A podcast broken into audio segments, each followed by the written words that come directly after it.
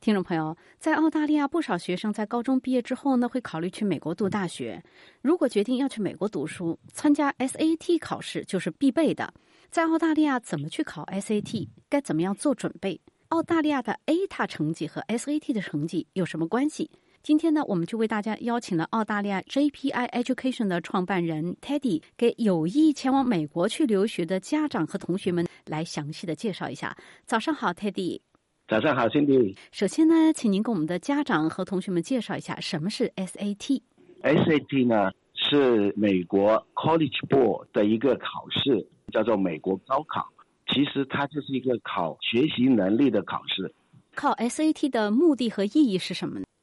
SAT 考试呢，它就是美国的大学呢提供一个衡量的标准，它是一个标准化的考试，衡量你的学习能力能不能达到他们的要求。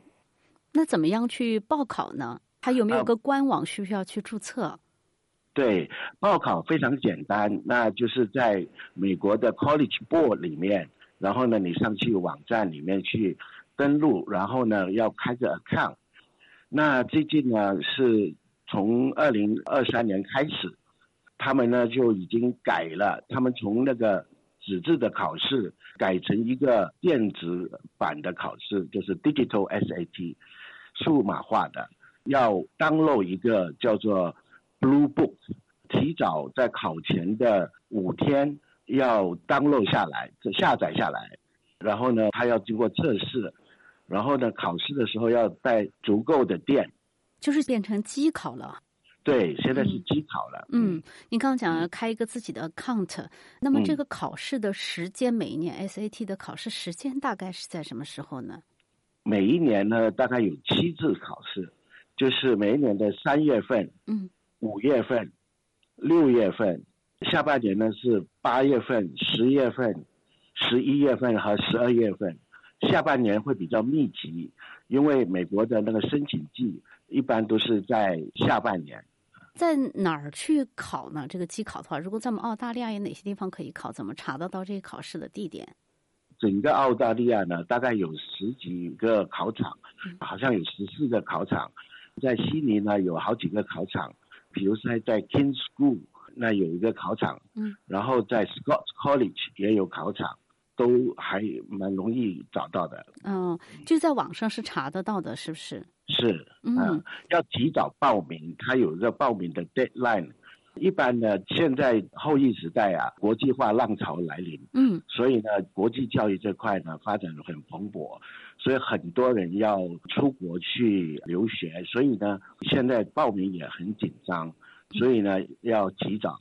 比如说三月份考试，我一般什么时候去报名比较合适？嗯三月份考试的话，大概就是今年的十一二月份就要开始去报了。哦，现在已经开放报名了。啊嗯，至少提前一个季度，听起来就是。对，至少至少。嗯，嗯那刚刚说这么多，像 SAT 都考些什么样的内容呢？SAT 考试呢，它把原来的纸质变成机考以后呢，嗯，它有改革。现在呢，考的就是两个小时过十四分，基本上呢是这样子，reading and writing 就是阅读和写作，嗯、是英文方面的，嗯，是考一个小时过四分钟，嗯，总共呢是考五十四个题目，然后每一段它是这样子，以前呢他们是有六大六大篇文章，嗯，让你看完以后呢有解答不少的这个题目，嗯。这个 multiple choice 这个选择题，嗯，那后来呢，他们改革从机考以后呢，他们是分段，一段一段的，一段一个问题这样子考的，啊哦，然后是英语是这样子考，嗯、然后数学呢是一个小时过十分，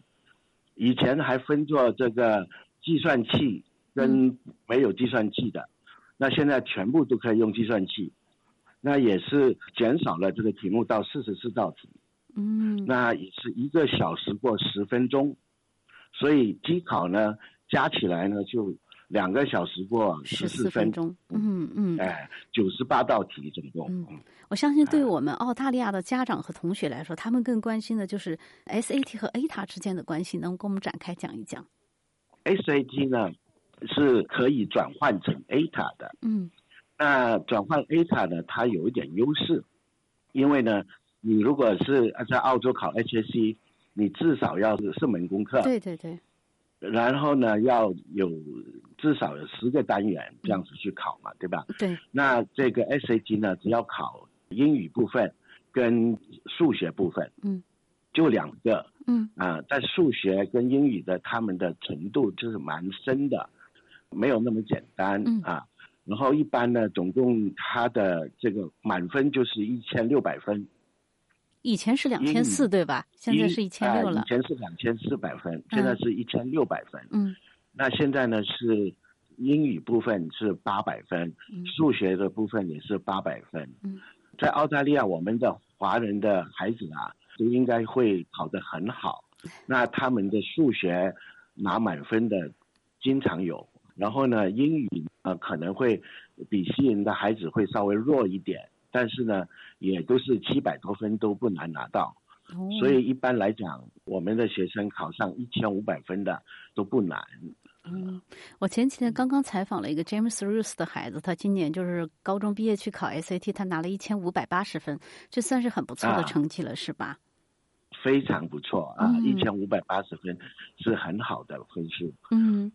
因为疫情的时候呢，美国的很多藤校啊、名校啊，他们呢就这个 SAT 成绩呢当成可选性的嗯，不是必选的，嗯所以呢就有很多考生呢，他就不把这个成绩交上去。嗯如果成绩好的话呢，他就把它交上去。啊所以呢，这样子的话就把它整个的平均分呢、都推高了。所以我前阵子跟那个宾大的招生部门的人那宾夕法谈尼亚的大时候，学他吗们？告诉嗯我啊，他们的平均分呢，从以前的一千一百分，嗯，现在提高到一千五百四十分了。哦，那您跟前嗯面讲到了 SAT 是可以转化为 ATA 的那个分数，大概是一个怎么样的转化方式呢？